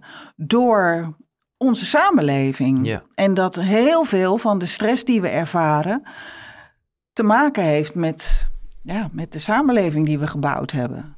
En, en de manier waarop hij daarnaar kijkt en hoe hij erover schrijft, vind ik heel, heel, eh, heel goed. Eh, Oké. dus, ja. Omdat, omdat eh, maar ik ga het lezen hoor, maar omdat dat ook een beetje voortkomt uit, uit een soort schaarste die we zelf gecreëerd hebben. Of, ja, tuurlijk. Ja. En, en wat ik ook in mijn boek zeg, dat we natuurlijk ehm, enorm bestookt worden met angst. Ja. En als je daar gevoelig voor bent, nou, dan eh, heb je het niet makkelijk. Nee. Ik bedoel, de, alles. Weet je, ik, ik zeg in mijn boek, en dat is een, een quote die, eh, die Charles Groenen, die journalist, Charles Groenhuizen. Groenhuizen, Ja. die, die, weet je wel, die heb ik van uit zijn boek. Ja. Dat, Dat- ja, dat- dat, dat- hij- hij heeft die quote weer van een, een of andere Amerikaan: van er is maar één ding dat beter verkoopt dan seks, en dat is angst. Ja. En als je, als, je daar, als je om je heen kijkt ja. en je ziet dat, ja, dat is best heftig. Nee, maar ergens, en ik snap het, eh, de titel van jouw boek, wat ik eerder had willen weten over angst, zelfliefde en acceptatie, dat is ook al dat je denkt, shit, wat had ik eerder willen weten? Wat had ik moeten weten? En ik, ik bedoel, het is een fucking goede titel, hè? begrijp me niet verkeerd, maar het, is, het speelt in die end ook precies in op dit sentiment. Ja. Ja, Ja. dat is gewoon wat het is. Ja. Maar Eh, wel met de bedoeling om, om het, ja, om, nee, tuurlijk. om tuurlijk. iemand te helpen. Ja. In plaats van om iemand eh, slechte dingen Ja. te laten kopen. Nee, dat is waar. Dat is waar. En wat is eh, het derde boek dat je inbrengt? Ehm, welke was dat nou? Oh ja, natuurlijk. De mythe van normaal. Van, uh, Van Gabor Maté. Maté. Oké. Ja, dit is leuk. Ik onderbreek even het gesprek, maar alle boeken die je net gehoord hebt, die zijn terug te vinden natuurlijk op de site koekeroe.nl slash boekenkast. Maar ik heb een extraatje, want daar vind je ook een link naar een aanbieding van Nextory, waarmee je alle boeken 50 dagen gratis kan lezen en luisteren. En dan hebben we het niet alleen over deze drie boeken, nee, er staan daar 300.000 luisterboeken en e-books. Dus ga naar koekeroe.nl slash boekenkast om 50 dagen lang gratis Nextory te gebruiken. Top toch? Thanks. En wat, wat, wat, wanneer las je het en wat gaf het je? Eh, ik heb het eh, deze zomer gelezen. En ik ben enorm fan van hem. Ja. Dus ik volg hem al jaren en ik vind hem fantastisch. En ja, daarin wordt eigenlijk een beetje hetzelfde verteld. Dat is ook wel van de wereld waarin wij leven. Ja. Maar hij heeft het ook over trauma's en copingmechanismes. En, en in, in, in, ik vind het heel belangrijk dat mensen daar veel meer van af weten. Want ik, ik leg in mijn boek ehm, de anatomie van emotionele problemen uit. En dat doe ik bewust, omdat in de meeste zelfhulpboeken gebeurt dat niet. En ik vind het heel belangrijk om mensen te informeren over... wat is het probleem nou eigenlijk? Waarom heb je waar last van? Ja. Want als je dat weet, dan wordt het probleem al iets minder, minder angstaanjagend. Maar je kan het ook makkelijker oplossen. Je kan een probleem pas oplossen als je weet wat het probleem is. Ja, maar soms heb ik ook wel zoiets. En dat vind ik, ja, ik weet niet of ik dat heel frustrerend vind. Misschien is het ook gewoon fijn om te weten. Maar als het gewoon gaat bijvoorbeeld over je oerbrein. Waarbij je heel mooi schrijft, het kiest onbewust liever voor ongelukkig in bekende omstandigheden dan gelukkig in onbekende omstandigheden. Dus ik zeg nog één keer, want dit is echt wel goeie op je in te laten werken. Dus dat je, dat je oerbrein is eh, reactief in plaats van proactief. Dus het kiest onbewust liever voor ongelukkig in bekende omstandigheden. Daar kiest het liever voor dan gelukkig in onbekende omstandigheden. Ja. Dat is, ja, het oerbrein is zo, ja, de, de naam zegt het al. Dat ga je, ja, dan ga, ga je dat kunnen veranderen. Nou, dat kan je veranderen door ervoor te zorgen dat je rustig bent. Ja. Als jij niet voortdurend in de overlevingsmodus staat, waar Gabor Maté het ook voortdurend over heeft, dan is er niks aan de hand. Nee. Dan, Dan zie je kun je- het en dan lach je erom of dan... Precies, maar dan blijf, ben je gewoon in het hier en nu en dan heb je een heldere visie op wat er hier en nu gebeurt. Op het moment dat je in overleefstand staat, dan beleef je het verleden opnieuw in het nu. Mhm. En dat is iets heel anders. Dan leef je in een illusie. En lees je dus nog steeds eh, met liefde boeken over dit onderwerp? Ja, Ja, nee, oké. ja, nog steeds. Ja. Want dat heb ik zelf een beetje met als het gaat over accepteren en, en, en, en het is al goed of je bent... eh, hè, eh, Maar ik moet erbij zeggen, ik lees nu vooral om, net zoals Gabor Maté, dat lees ik omdat ik gewoon ook als therapeut Ja, wil blijven ontwikkelen. En, Ja. en eh, nou, dat, Ja. Daar valt nog genoeg te leren. zeg Nee, maar. en ook een beetje de, de, de, de hebzucht naar wijsheid, Ja. zoals we, waar we het eerder over hadden. En zijn er, staan er nog dingen op je lijstje in die, in die eh, zelfhulp eh, business? Dingen die je graag... Heb je ooit ayahuasca gedaan? Zeker. Oké, zeker. Maar, nou ja, ik, ik weet ook niet waarom ik dat, die vraag stel, maar wat, eh, wat gaf het je? Eh, ja, dat, dat was een hele goede ervaring. En weet je, maar dat kan je ons Ja, meenemen. dat kan ik, dat Nee, kan ik niet uitleggen. Nee, oké. Het was niet een soort inzicht wat je daaraan... Nee, oké. Nee. Maar bijvoorbeeld, jij omschrijft, daar moet ik eigenlijk aan denken, aan de Vipassana, waarbij je een beetje de, de light variant koos, als ik het eh, zo las. Is dat nog iets waarvan je denkt, oké, ik wil, eh, de, dat is het strebertje in mij. Wat denkt, eh, wil je dan niet de echte versie?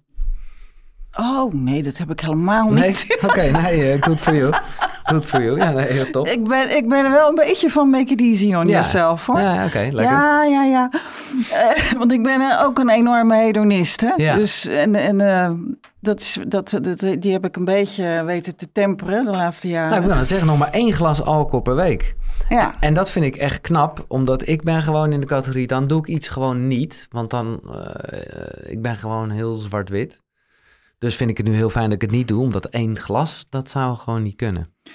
ja, maar bij mij is het zo dat ik niet meer meer kan. Nee, oké, dus het is niet eens een keuze. en, nee, nee. Nee, nee, nee. Ik bedoel, ik vind het heerlijk. Ik vind wijn heerlijk. Ja. Ik bedoel, ik zeg altijd, als het gezond was, was ik elke dag lam. Ja, Maar het gaat niet meer. nee. Want? En ik ga me gewoon heel slecht voelen. Ja, omdat je En ik dan... word moe Ja, ja, en ja. dat wil ik niet. Nee. Ik, ik, ik zit zo en heb je, lekker in heb je het vroeger veel gedaan? Ja, Ja, nee, oké.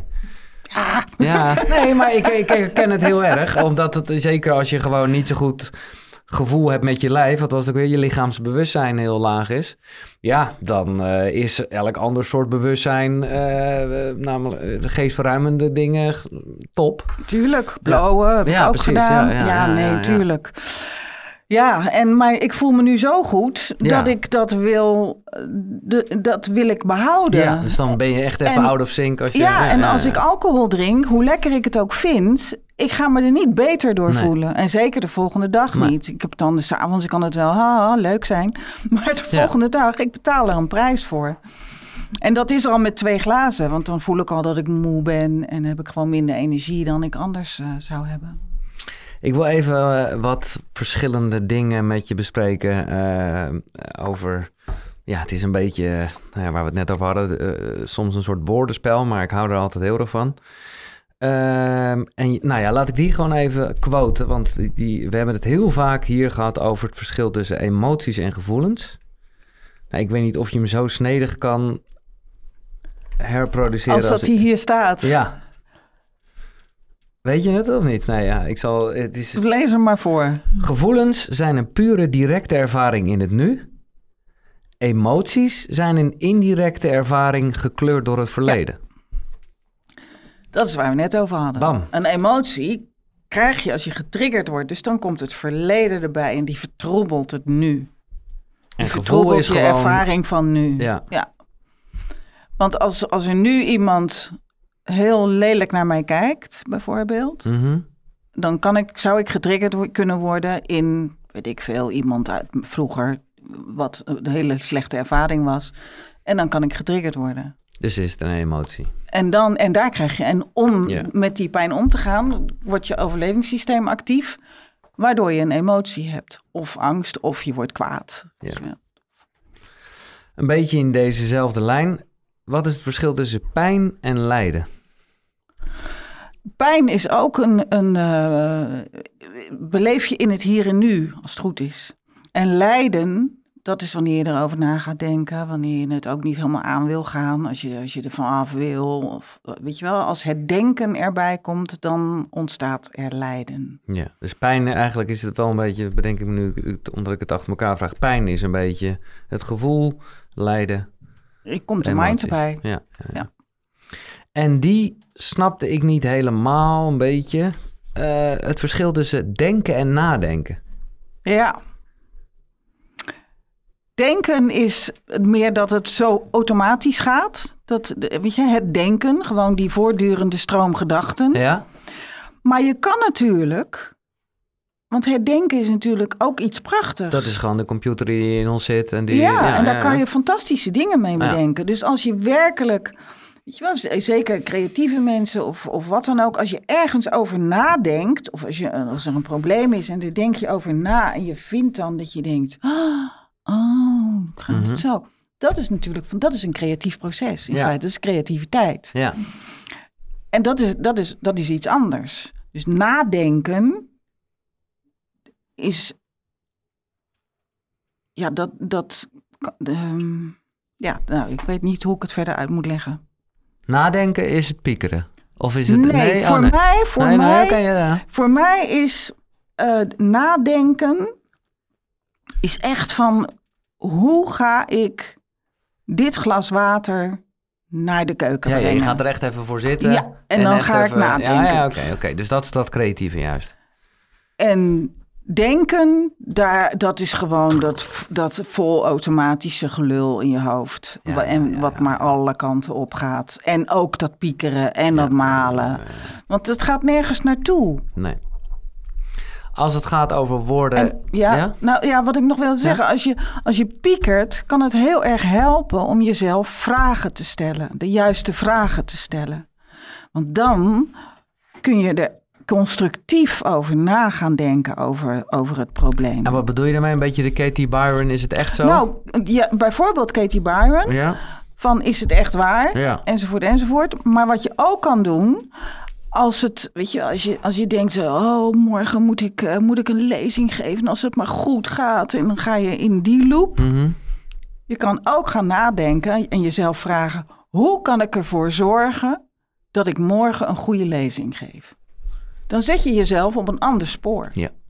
En dan kan je na gaan denken. Ja, ja, lekker.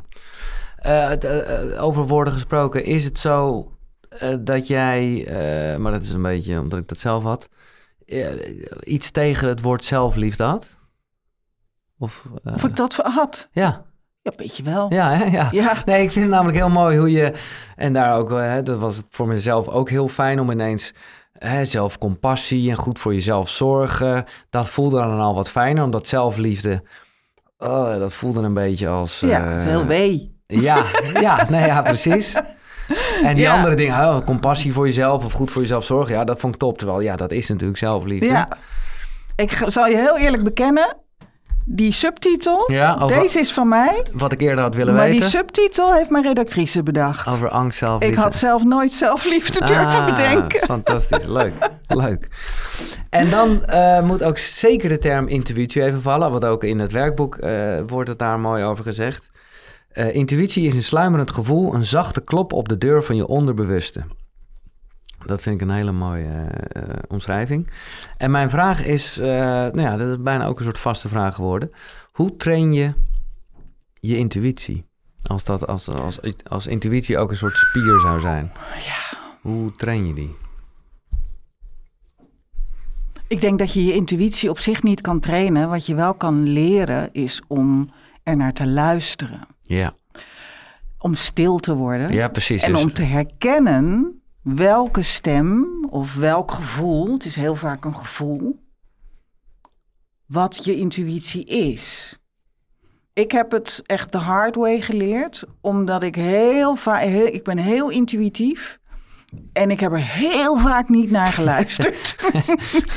maar ik, omdat ik zo al vrij jong bewust was, wist ik altijd, godverdomme, is er weer gebeurd. Dus dan ging Dus toch dat je ego die dan later zei, ik zei die het toch. Ja, maar ook je zei van nee, weet je wel, want in- intuïtie, het moeilijke van luisteren naar intuïtie is, het komt niet met een uitleg. Nee, En daarom vertrouwen we het niet. Het zegt niet, dat moet je niet doen, want dat is niet goed voor je carrière of eh, weet ik veel, je gaat je been breken of god mag weten wat. Het is alleen maar je moet het niet doen. nee doen. En dan denk je, en dan gaat je hoofd ermee aan de slag. Waarom en niet? die zegt, ja, maar dat is toch hartstikke leuk. En weet je wel, ik ben er een ster in om mezelf in de meest verschrikkelijke dingen te lullen. en en als, je, als je dat weet, van jezelf, weet je wel, het zit, intuïtie zit niet hier. Het beste is om eh, want als, weet je, als je zegt luisteren naar je intuïtie, dan gaan we al heel snel naar een stem luisteren. En dat kan heel snel, kan dat weer ego zijn, wat dan toch weer. Dus het is heel goed om, om te voelen. En dan kan het, dan kan je voelen bijvoorbeeld als je jezelf een vraag stelt. Van eh, moet ik eh, morgen wel naar die verjaardag gaan? Dan, dan kan je lichaam bijvoorbeeld dit doen.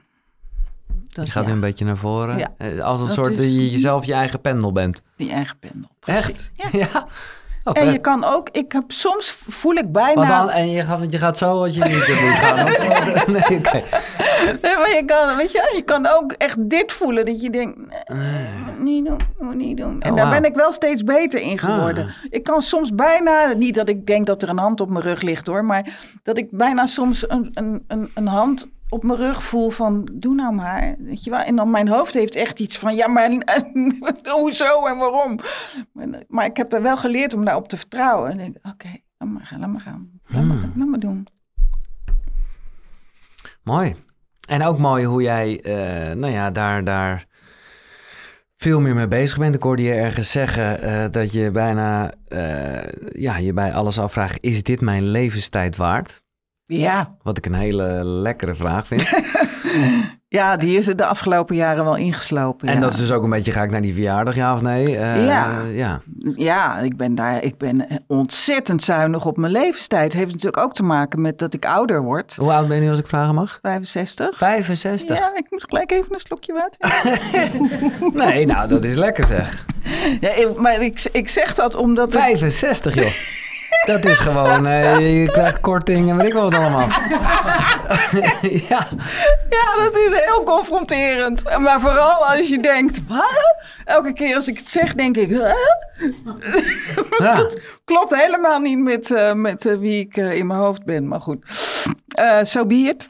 Maar heb je nog, nee, nee, natuurlijk heb je ambities, maar want, want bijvoorbeeld, ehm, komt er nog een voorstelling van dit boek, zoals je dat eigenlijk met sofa-sessies Ja, deed? misschien, weet ik niet. Ik heb geen concrete plannen nu. Oké, Had ik wel. ja. Ehm, met, met dit boek Wat had ik eerder- ik, ja, had zou ik een weten. voorstelling maken. Maar toen kwam natuurlijk, met, eh, met- ja. ja, enzovoort. Dus toen eh, dacht ik, eh, hups, trek eruit, gaan we niet aan beginnen.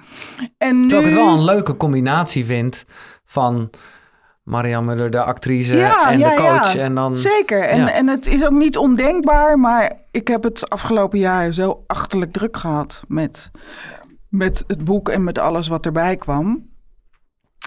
En nou, het, het, ik zou het op zich heel leuk vinden om het te doen. Dus misschien dat het nog wel gaat gebeuren. Mhm. Wie weet. En, en eh, maar heb je, oké, laat ik de vraag wat algemener stellen. Eh, Zijn er nog andere dingen waarvan je denkt, nou, dat zou ik nog wel echt graag willen doen?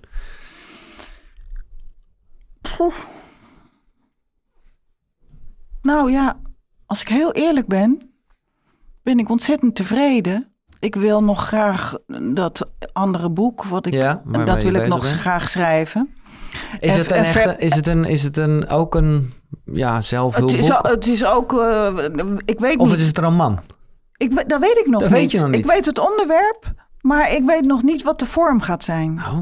En, en het onderwerp wil je niet zeggen? Is het besproken nou, het vandaag? onderwerp, het, gaat over, het zal over, over liefde gaan. Ah, Ja, nou oké. in al zijn facetten. Hm. Eh, ja, dames en heren. Ja, daar, daar, daar zouden ze eens een keer een liedje over moeten maken. Ja, precies. Nee, dat is leuk. En, en als ik nu, eh, nou, ik zal niet Medisch Centrum West de Reunie doen, maar gewoon een of andere andere, ja, serie waarbij ze denken, ja, daar moeten we toch iemand hebben die speelt een rol van een 65-jarige of nee, ja, whatever. Nee, maar zou je nog een, als, als ik nu bel Nou, ja, met, een, met, een, met, een, met een, natuurlijk. ja, oké. Ja, natuurlijk. Het is niet zo dat ik niet meer speel omdat ik acteren niet meer leuk vind. Nee.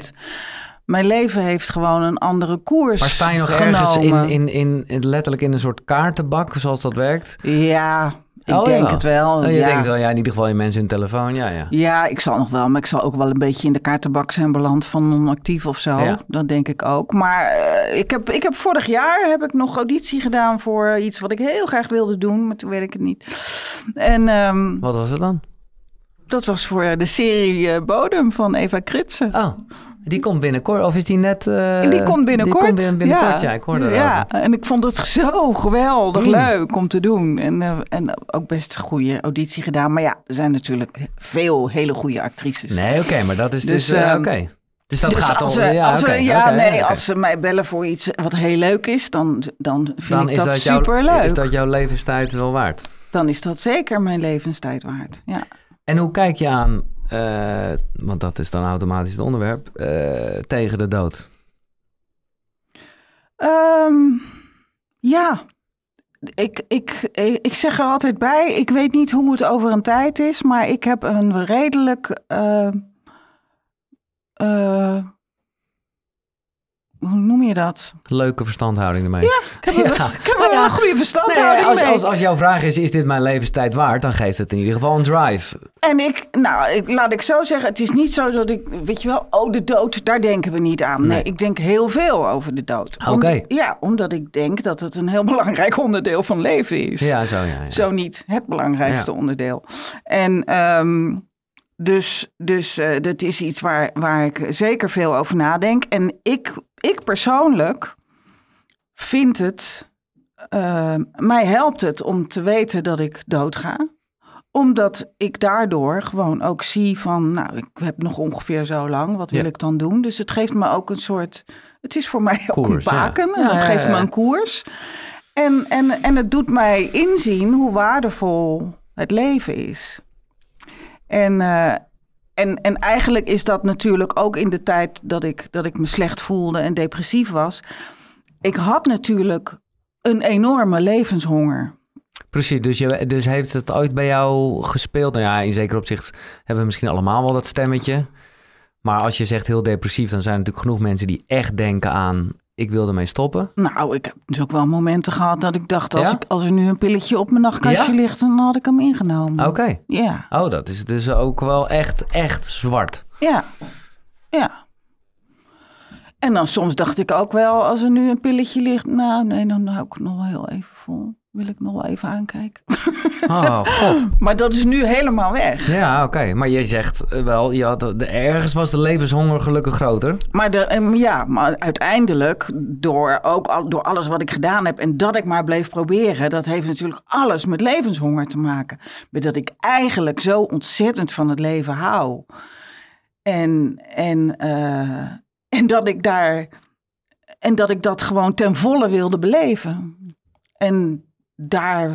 Nou, daar. daar ik, er is vast nog van alles te winnen, maar Mhm. daar ben ik nu Ja, wel. ja. En dat is heel ontzettend fijn. Maar ik vind het toch, eh, ja, nou, ik vind het, ja, het is natuurlijk sowieso heftig dat je met die gevoelens hebt gespeeld. Maar ik vind het ook, ik had het niet verwacht, laat ik het zo zeggen. Want juist voor iemand die zo verslaafd aan denken is, is het, ja, eh, hoe zeg je dat? Is dat bijna lekker om door te blijven zorgen maken. Ja, maar ik, ik heb natuurlijk wel de- depressieve Ja. periodes Ja, gehad. En dan, ja. En, dan, en dan gebeurt er iets anders. Ja. En ik heb ook wel eens gedacht, ja, dat is dan ontzettend eh, dramatisch. Maar ik, ik heb ook wel eens gehad dat ik een paniekaanval had. En dat ik dacht, nou, ik kan mezelf altijd nog, kan altijd nog mijn polsen doorsnijden. Zo. En dan werd ik rustig. Echt? Ja. Ja, ja, ja, je lacht dus erom, dat- ik vind het totaal niet leuk. Ja, nee, het is ook niet leuk. Maar ik vind het zelf zo dramatisch. Maar wat natuurlijk, wat het goede eraan was, is dat ik er rustig van Ja, werd. ja, ja, ja. Omdat ik dacht, oh, er is altijd nog een uitgang. Ja. Maar ik heb die uitgang nooit gekozen. Nee, nou, gelukkig niet. Eh, nee. En eh, wat denk je dat er gebeurt als je doodgaat? Ja, als ik dat wist. Ja, dat begrijp ik. Dat wist maar kijk, ik vind het grappig hoe jij, eh, en dat is denk ik ook waarom het een enorm succes is. Eh, want ik zie hier een exemplaar, daar staat op de voorkant al 15.000 exemplaren Ja, we verkocht. zijn wel ver over. Ik wil net zeggen, dit staat erop gedrukt, dus dat is al eh, ingehaald. Misschien, of dat weet ik niet, is ook wel een kracht dat het toch allemaal een bepaald soort nuchterheid heeft. Denk ik. Ik ben heel nuchter. ja, Ja, ja. ja, Maar daarom, dus zou je jezelf spiritueel willen noemen? Ik ben zeker spiritueel. Nee, oké, dus dat ook. En ik ben heel nuchter. Nee, precies, een lekkere combinatie. maar dan vraag ik nu toch, en dan laat die nuchterheid even achterwege, want nee, ik snap het, je weet het niet. Maar als je er toch even over nadenkt, Nou, wat ik- je denkt ik- dat er gebeurt. Ik heb een, eh, een quote in mijn boek opgenomen van Ramdas. En die kwam, kwam voorbij in een documentaire die ik over hem zag. Mhm. toen ik het boek aan het schrijven was. En hij zegt. eh, Moet ik hem erbij pakken? ja, dying or death. Ik weet niet precies hoe die het zegt. Dying is like taking off. A, a nee, death is like taking off a tight shoe. Dat vond ik zo'n geweldig mooie. Dus vrij vertaald, want mijn Engels is dus niet zo goed.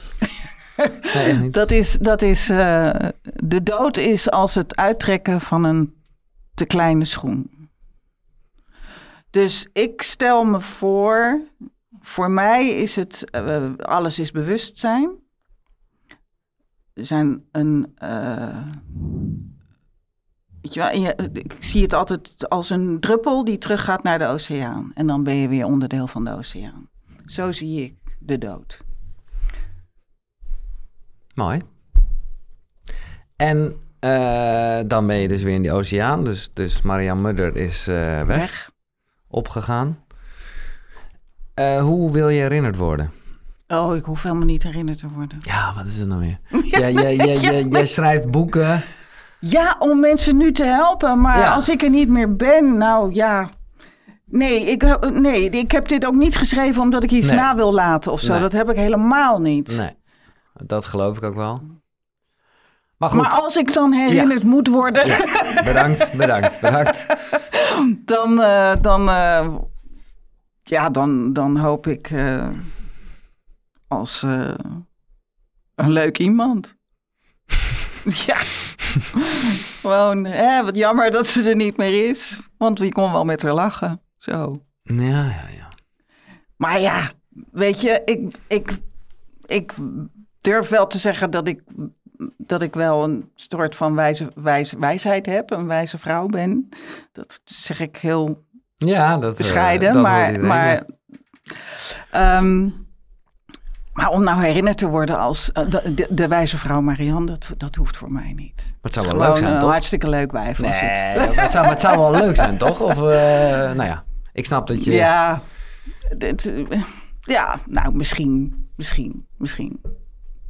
Misschien, dat mag er ook bij. Maar dat het gewoon, dat, ik- dat, van het, dat was het toch een leuk wijf, dat vind ik belangrijk. Maar ja, dat is toch iedereen? ja, Dus dat is, ja, nou ja. Maar ja, dat, dat is toch als je bij elke crematie, als mensen dan verhalen gaan vertellen, wil je toch niet een verhaal horen over ho- hoe wijs ze was? Dan wil je toch de leuke Ja, anekdotes horen? Ja, ja, ja, ja, ja, oké. Nou, het kan ook en en, en dat is ook wat je zegt. Ja, Mag ik applaus voor Marianne Mudder. dankjewel. Wat ik eerder had willen weten is dus nu een werkboek uit eh, en het origineel is er ook nog. Eh, check de link in de beschrijving. Dit was Koekeroe, tot de volgende. Zonnegroet. Hoi.